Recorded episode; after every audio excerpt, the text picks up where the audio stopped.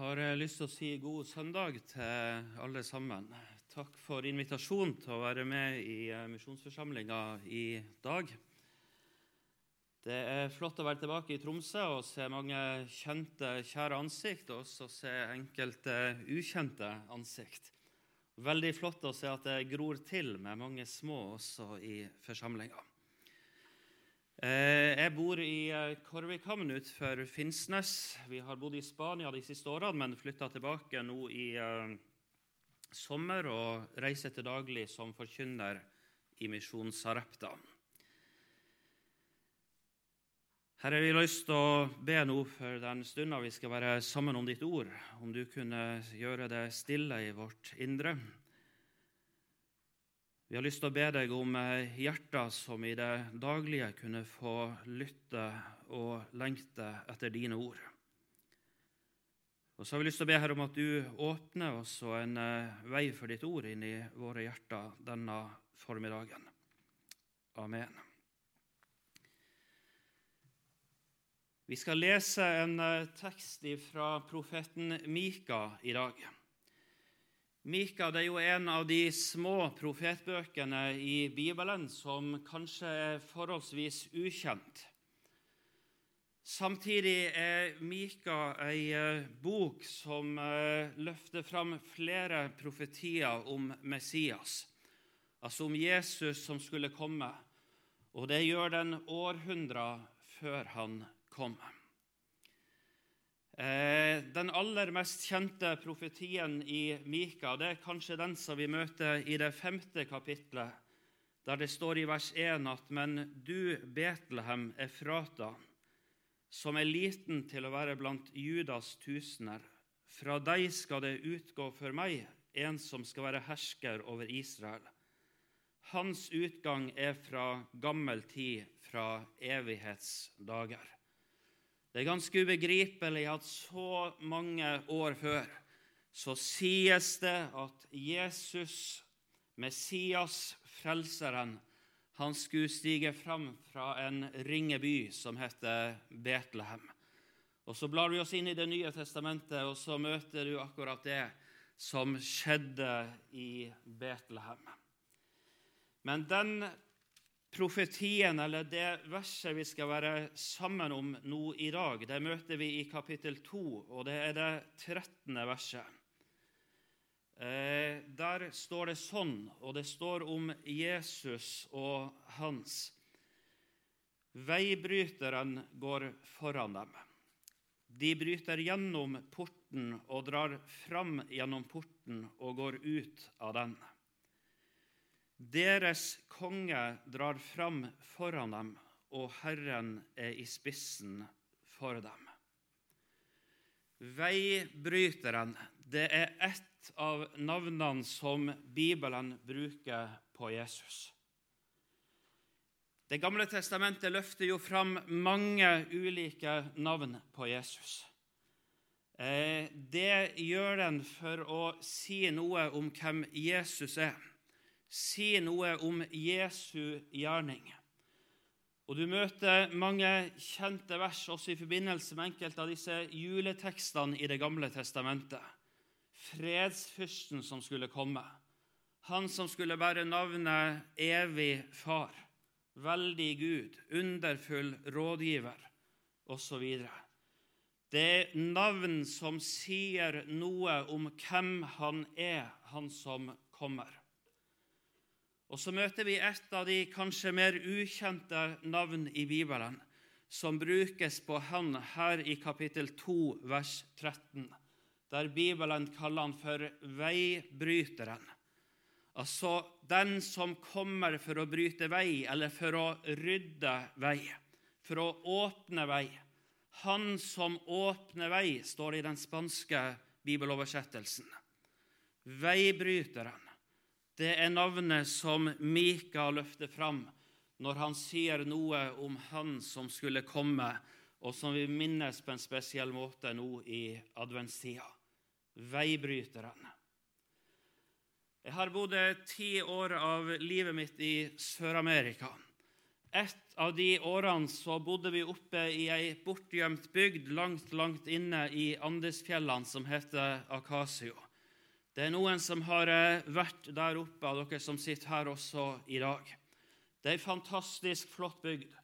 Et utrolig flott folk oppe imellom fjellene mellom 3000 og 4000 meter over havet. Og vi hadde et utrolig rikt, flott år der. Kanskje det vanskeligste med å bo i Akasio, det var veiene. Det er ikke bare å bygge vei oppe i fjellene i eh, de områdene. Det er ikke klippefast berg, men det er porøst fjell. Og Problemet er at når regnet kommer, når det høljer ned, når det lefser ned på en helt annen måte enn det vi kjenner fra Norge, så er det ikke bare en og annen stein som faller ned, men da kan en oppleve at halve fjellsida raser ut. I Akasio så regner det ca. tre måneder i året. Og Så lever du resten av året uten en dråpe regn. Men når regntida står på, så er det ikke bare bare. Og det å skulle kjøre bil gjennom slike områder når det, var, når det regna, og når det var stummende mørke, og du visste at der oppe er fjellsida. Den redselen på et vis Kommer det noe nå? Når raset går, så var det sånn at uh, i Akasio så hadde de ikke veimaskiner som sto der året rundt. Da ble det sendt bud, og så måtte man ut og så måtte man rydde veien. Man måtte rydde i raset. Og Jeg har også brukt en del timer i mitt liv med hakke og spade sammen med andre quechua-indianere der inne for å rydde vei. Og Det er greit når det er et bitte lite ras, men når det virkelig raser ut, så er det et forferdelig slit. Det er et voldsomt slit der veien skal åpnes for å komme fram. En natt så var vi ute, eller ikke en natt, men en natt hadde det regna, så var vi ute på morgenen i løpet av noen kilometer så telte vi over 20 store ras som hadde gått i løpet av natta. Du kan jobbe deg gjennom det ene raset, og så kommer du noen svinger lenger fram, og så er det et nytt ras. Og så blir det så motløst og så blir det så tungt at til slutt så er du bare i ferd med å gi opp. Og det er det som skjer hvert eneste år. Det går til et visst punkt, og så blir veien stengt. Og så er veien stengt fram til regntida er forbi og så sender de veimaskinene opp ifra byen. Og den gleden på et vis som, som brer seg i folket når veirydderne kommer, når de kommer for å rydde vei, for å bryte vei, for å åpne opp det som er så stengt at det er umulig å komme seg forbi. Og så kaller Bibelen Jesus for en veirydder en veibryter. Og det er ikke veien til Cochabamba eller hvor det måtte være det er snakk om, men det er veien til himmelen det er snakk om. Det er mange som forestiller seg, eller nesten ser for seg, himmelveien slik som bildet der. Det er mennesker som tenker i sitt indre at det kommer aldri til å nå himmelen. Jeg kommer aldri til å nå fram. Det er så mye som må ryddes på plass i mitt liv om jeg skal komme til himmelen slik som jeg er. Det er så mye jeg må bli ferdig med i mitt liv. Det er så mange krav og forpliktelser som jeg aldri makter med i mitt liv. Sånn tenker mange, mange i møte med det å skulle leve som en kristen i denne verden. Det er egentlig ikke vits å prøve. Det er bare å gi opp med én gang. Jeg har en eh, kjenning fra Peru. Han har bodd som eh, misjonær i Peru i mange år, en fra Danmark.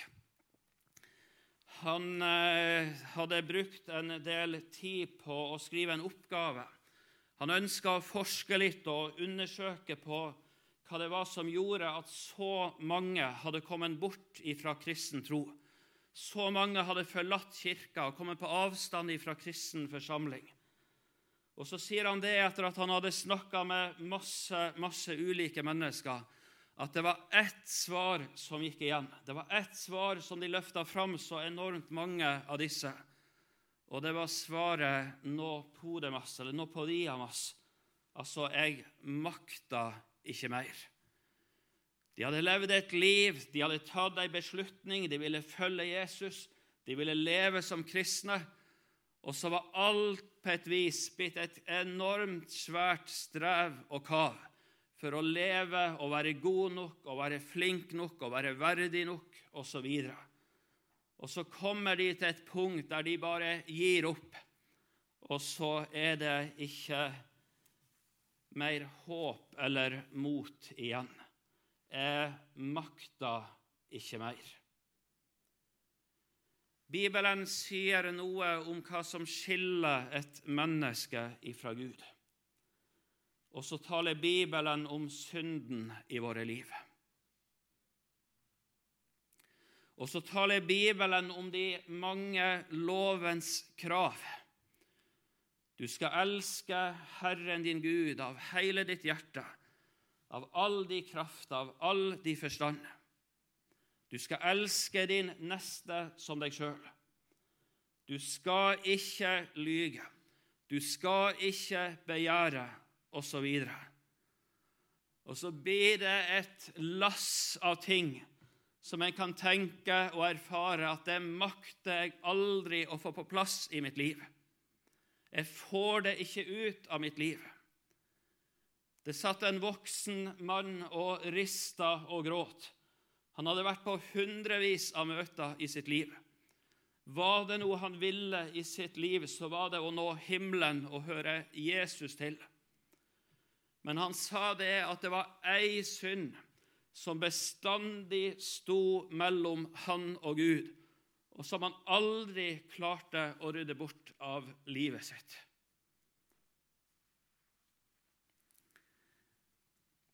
Det gamle testamentet forkynner år etter år at det skal komme én. Og Mika sier at han skal bryte vei. Han skal åpne vei. Han skal rydde vei. Han skal løfte til side alt det som stenger veien for oss mennesker i møte med Gud. Og så er det bok etter bok, også i Det gamle testamentet, som peker på Han, og som vil vende blikket vårt imot Han, og som vil vende vår oppmerksomhet imot Han, at vi skal bli opptatt av Han midt i vårt daglige kav og strev med oss sjøl for å bli god nok og kristen nok. Det står i Jesaja kapittel 28, vers 12. Da er det i Jesaja i kapittel etter kapittel, også tidligere i boka, forkynt om Messias som skulle komme. Det er pekt på han. Det er forkynt at der er det hvile å få. Og så står det i vers 12 i Jesaja 28.: Det var han, altså Gud, det var han som sa:" Dette er ro. Unn den utmattede ro, og dette er hvile. Men de ville ikke høre. Altså, det er en som har pekt i sitt ord på ett sted eller i én person. Der er det hvile å få. Der er det mulig å få lov å hvile i sitt liv. Og Jeg vet ikke om du la merke til den lille setninga, men det sto midt i verset jeg leste her. Det er Gud som sier det. Unn den utmattede ro. Altså en som er utmatta, det er noe mer enn en som er sliten, en som er trøtt. En som er utmatta, det er en som har brukt alle sine krefter, all sitt strev. Og så har han kommet dit at han makter ikke lenger. Han, han ser ingen vei lenger. Han er utmatta. Det er ikke krefter tilbake i hans liv. Og så er det en Gud som sier det unn den utmattede ro. Det er kanskje et litt sånn rart ord som ikke vi bruker som i dag, men det er å unne noe. Altså, Men hvis jeg unner noen gode dager og god helse, og sånn, så ønsker jeg på et vis av hele mitt hjerte at han må få gode dager eller god helse. Og Så sier Bibelen det at det er en Gud som unner den som er utmatta, ro. Og det gjør den ikke ved å gi oss ei oppskrift og gode råd og fine anbefalinger på hvordan livene våre skal leve. Men det gjør den med å peke i retning av Jesus Kristus og lede oss til Han for at vi skal få hvile hos Han og få se på et vis at hos Han der er alle krav rydda til side. Men de ville ikke høre, står det. De var så opptatt på et vis av sitt eget. Og så står det et merkelig ord. Og så finner man ikke fram til Jesus. Så står det så skal da Herrens ord bli dem bud på bud. Bud på bud. Regel på regel. Regel på regel. Litt her og litt der, og så kan du lese videre. Det er et merkelig ord. Altså, Sånn kan Bibelens ord bli opplevd om man ikke finner fram til Jesus midt i sitt liv og i sitt kav. Da blir alt som har med kristendom å gjøre, det blir bare bud på bud og regel på regel, og alt det skal gjøre, alt det skal være. Og så er det mange som vet med seg sjøl at det passer ikke jeg til. Jeg har ikke stoff i meg til å kunne være en kristen. jeg. Og så holder man seg på avstand. Ikke det kanskje at man ikke ville til Guds himmel og, og, og, og ha med Gud å gjøre, men det, det nytter ikke for meg slik som jeg er. Unn den utmattede ro, for at ikke kristendom bare skal bli bud på bud, regel på regel. Og Blar du deg litt videre utover i det samme kapitlet, så møter du to bilder for å illustrere hvordan det kan, kan oppleves. Det står i vers 20 ja, sengen er for kort til å strekke seg ut i, og teppet er for smalt til å svøpe seg i. Jeg har en kamerat. Han er mye, mye større eh, enn jeg er. Han eh, reiser mye i denne verden. Han eh, var en del i Spania òg. Og han er typen som bestandig søker opp på Airbnb og finner det aller, aller billigste overnattingsalternativet. Han hadde funnet ei, eh, et fantastisk tilbud.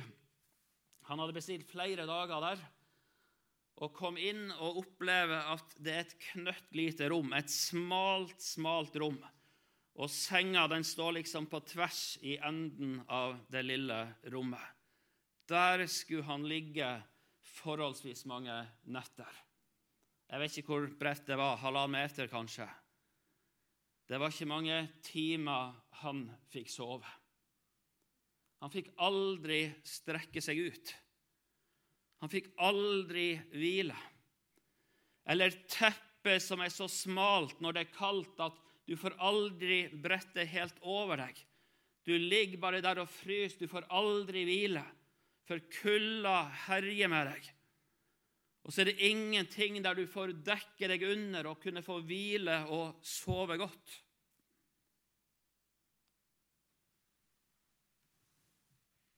Det er ikke for ingenting at Bibelen bare peker på Jesus i møte med oss som er i ferd med å gi opp hele greia. Vi skal lese ett vers til fra Jesaja. Jesaja kapittel 35. Der bes profeten om å løfte fram et budskap til de urolige hjertene.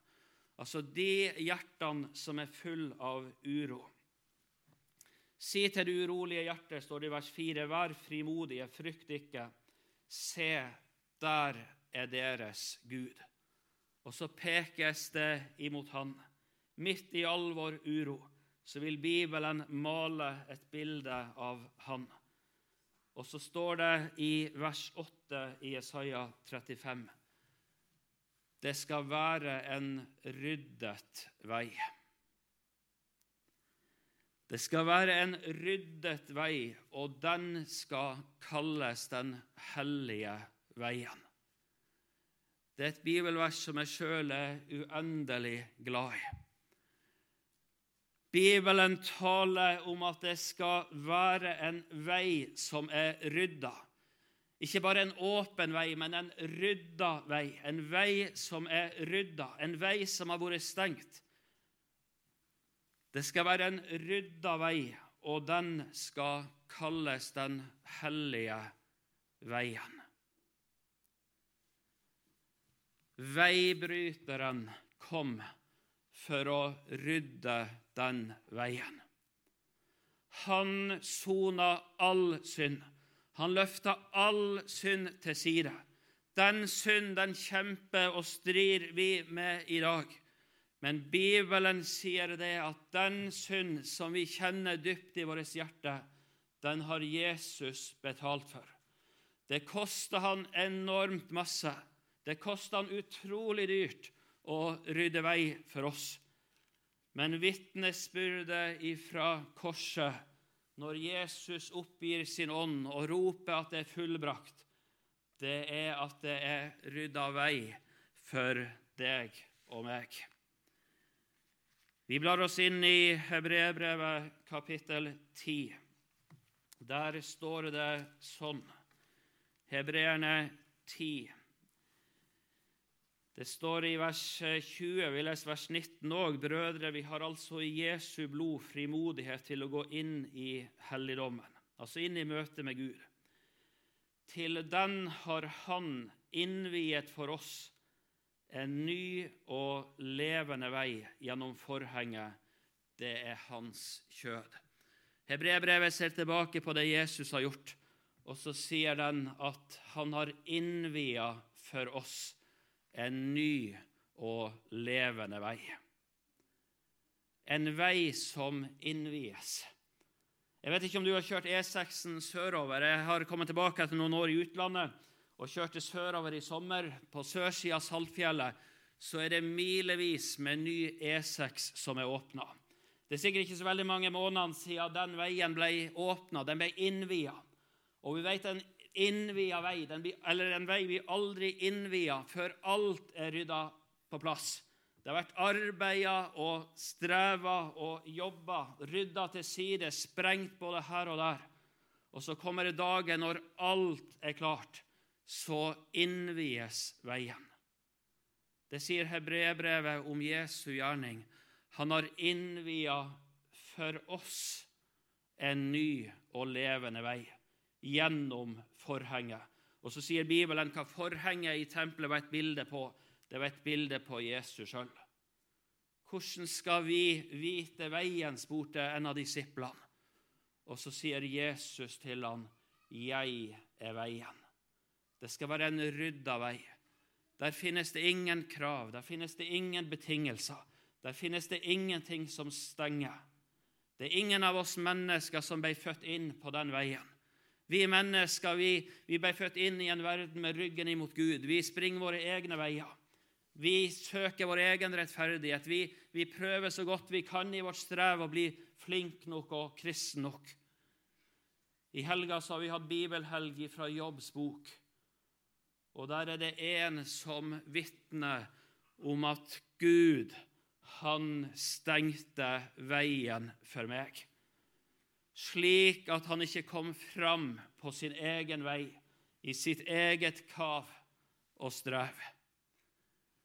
Og så vil Bibelen lede oss inn på en ny vei. Dit bæres et menneske i dåpen, og dit bæres et menneske ved troa. Inn på den veien som Bibelen kaller for en rydda vei som Jesus åpna, veibryteren. Jesaja kapittel 35, som vi leste fra, det skal være en ryddet vei, og den skal kalles Den hellige veien. Da er det nesten som at døra kan springe opp. Det er nesten som jeg kan tenke, men da er det jo håp også for meg. Uansett hvordan jeg er, uansett hvordan jeg har levd, uansett hva jeg bærer med meg i mitt livs historie. Det skal være en rydda vei. Men så står det litt lenger ut i det samme verset at ingen uren skal gå på den. Den skal høre hans folk til. Ingen uren skal gå på den. Og så er det noe som kan oppleve at da, da smeller jo døra rett igjen. For er det noe som jeg sliter med i mitt liv, så er det jo at jeg er så uren. Hjertet mitt er så uren, tankene mine er så urene. Og så står det at på den ryddede vei der skal ingen uren ferdes. Det er i hvert fall ikke en vei for meg, kan jeg tenke. Jo, det er en vei for deg. Jesus kom for å rydde vei, for å åpne vei for den elendige, den urene. Den som ikke bare er skrøpelig, men den som er fortapt. Det er ofte sånn at skal du inn på en vei, så må du gjennom en port. Jeg vet ikke hvor godt kjent dere er her nord, men uh, ute på Senja har vi en del sånne små, gjemte bygder. Det er ei bygd som heter Fjordgård, f.eks. Skal du til Fjordgård, så må du gjennom tunnelen som går til Fjordgård. Du kommer deg aldri med bil til Fjordgård om du ikke kommer deg gjennom tunnelen, gjennom porten på et vis. Jesus, han sier det. Jeg er døren. Om noen går inn igjennom meg, husker du løftet, så skal han bli frelst. Den som kommer til Jesus, han kommer også til det som hebreerbrevet kaller for det rensende blod. Altså den som kommer til Jesus i all sin avmakt med livet sitt akkurat slik som det, han renses i møte med Jesus. Og I møte med Jesus der blir alt det urene rent. Alt som kommer i kontakt med Jesu blod, blir rent. Alt det urene blir rent. Alt det skitne, det det det blir rent. Det er ingenting som møter Jesu blod, som ikke blir fullkomment ren. Og en som lever med Jesus, han er rensa. Jesus han sa det til disiplene at dere er allerede rene på grunn av det ord jeg har talt. De så sikkert på hverandre. De så fullt av ufullkommenhet i hverandre sine liv. De så kanskje aller mest urenhet i sitt eget liv. Men Jesus sa til dem at dere er allerede rene. Du ser på ditt hjerte, du som hører Jesus til, og ser synd og skam og urenhet og skit. Gud ser deg gjennom Jesus fullkomment ren og rettferdig. Ren og rettferdig. Himmelen verdig ikke i meg, men i Jesus jeg er, skriver sangeren. Og så er det fullt av urene mennesker som er blitt rensa, og som renses dag etter dag, som ferdes på den vei som Bibelen kaller for en rydda vei. Det er ikke et bud lenger som stenger. Det er ikke et krav lenger som står i veien. Jesus han oppheva ikke det, men han oppfylte alle Guds bud, hele Guds lov. Og så ble han lovens endemål for at det skulle være en rydda, åpen, innvia vei for deg og meg. Og så leser vi Mika 2 på nytt igjen. Veibryteren går foran dem. De bryter gjennom og drar fram gjennom porten og går ut av den. Deres konge drar fram foran dem, og Herren er i spissen for dem. Og Verset før det står, eh, eller det sier noe om at Herren han vil samle Jakob. Han, altså han vil samle sitt folk. Han vil leite dem opp igjen. Og det møter du så sterkt sagt også om Jesus i Det nye testamentet, der han sjøl også forteller en historie om eh, hvordan han er. En som var der med sine 99, og så er det en som ikke er der. Og så kan ikke han slå seg til ro. Så må han ut og leite. Og så leiter han, sier Bibelen, at han leiter inntil han finner. Vi leiter til vi gir opp, vi leiter til vi er lei. Vi leiter til at vi kan forsone oss med tap. Det gjør ikke Gud. Han leiter til han finner. Og Så forteller Jesus også den historien om hvordan han beveger seg i møte med den som har kommet bort, den som sitter fast, den som ikke finner vei tilbake. Og så sier han noe om hvordan han bøyer seg ned i møte med denne. Ikke for å skjelle han ut over hvordan han har rota det til i sitt liv, hvorfor han ikke har kommet tilbake igjen, men han bøyer seg ned, og så løfter han han opp og så legger han han på sine skuldre, og så bærer han han hele veien hjem, full av glede i sitt hjerte. Sånn er Jesus.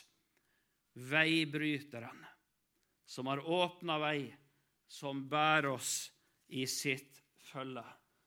Og så hadde jeg lyst til å si deg til slutt om ikke du lever i Han, om du ikke lever hos Han, så stor er han at han også har plass til deg. Og så rekker han oss sine hender i møte, og så sier han, 'Kom til meg, alle dere som strever og har tungt å bære.' Og jeg skal Hva sier han? Og jeg skal lempe en masse byrder på dere. Det er ikke det han sier. Han sier, 'Jeg skal gi dere Jeg skal gi dere jeg skal gi dere hvile. Den salmist full av takknemlighet. Han, sier han, han leder meg til hvilens vann. Han, sier han, han lar meg ligge i grønne enger.